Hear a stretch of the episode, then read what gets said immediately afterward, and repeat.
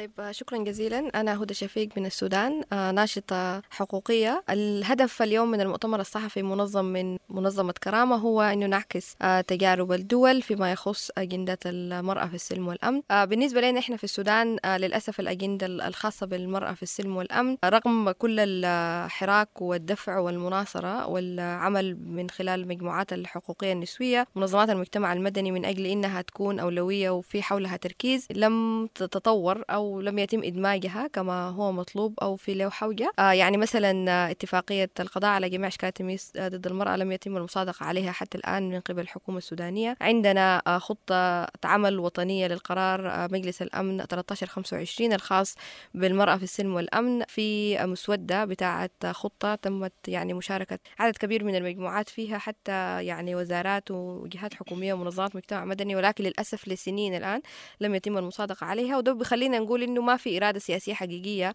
آه، للدفع بالقضايا بتاعت المرأة ودفع بقضايا المرأة في السلم والأمن بالذات وفي إنهم يكون عندهم وصول للعدالة وآليات حقيقية بتحميهم في مناطق النزاعات وبتبني قدراتهم وبتضمن عدالتهم فيما بعد انتهاء هذه النزاعات. هذه التغيير يعني المنشود صعب إنه يتم لو ما حصل تغيير سياسي واقتصادي شامل وواسع يعني وحقيقي آه، وحقيقي.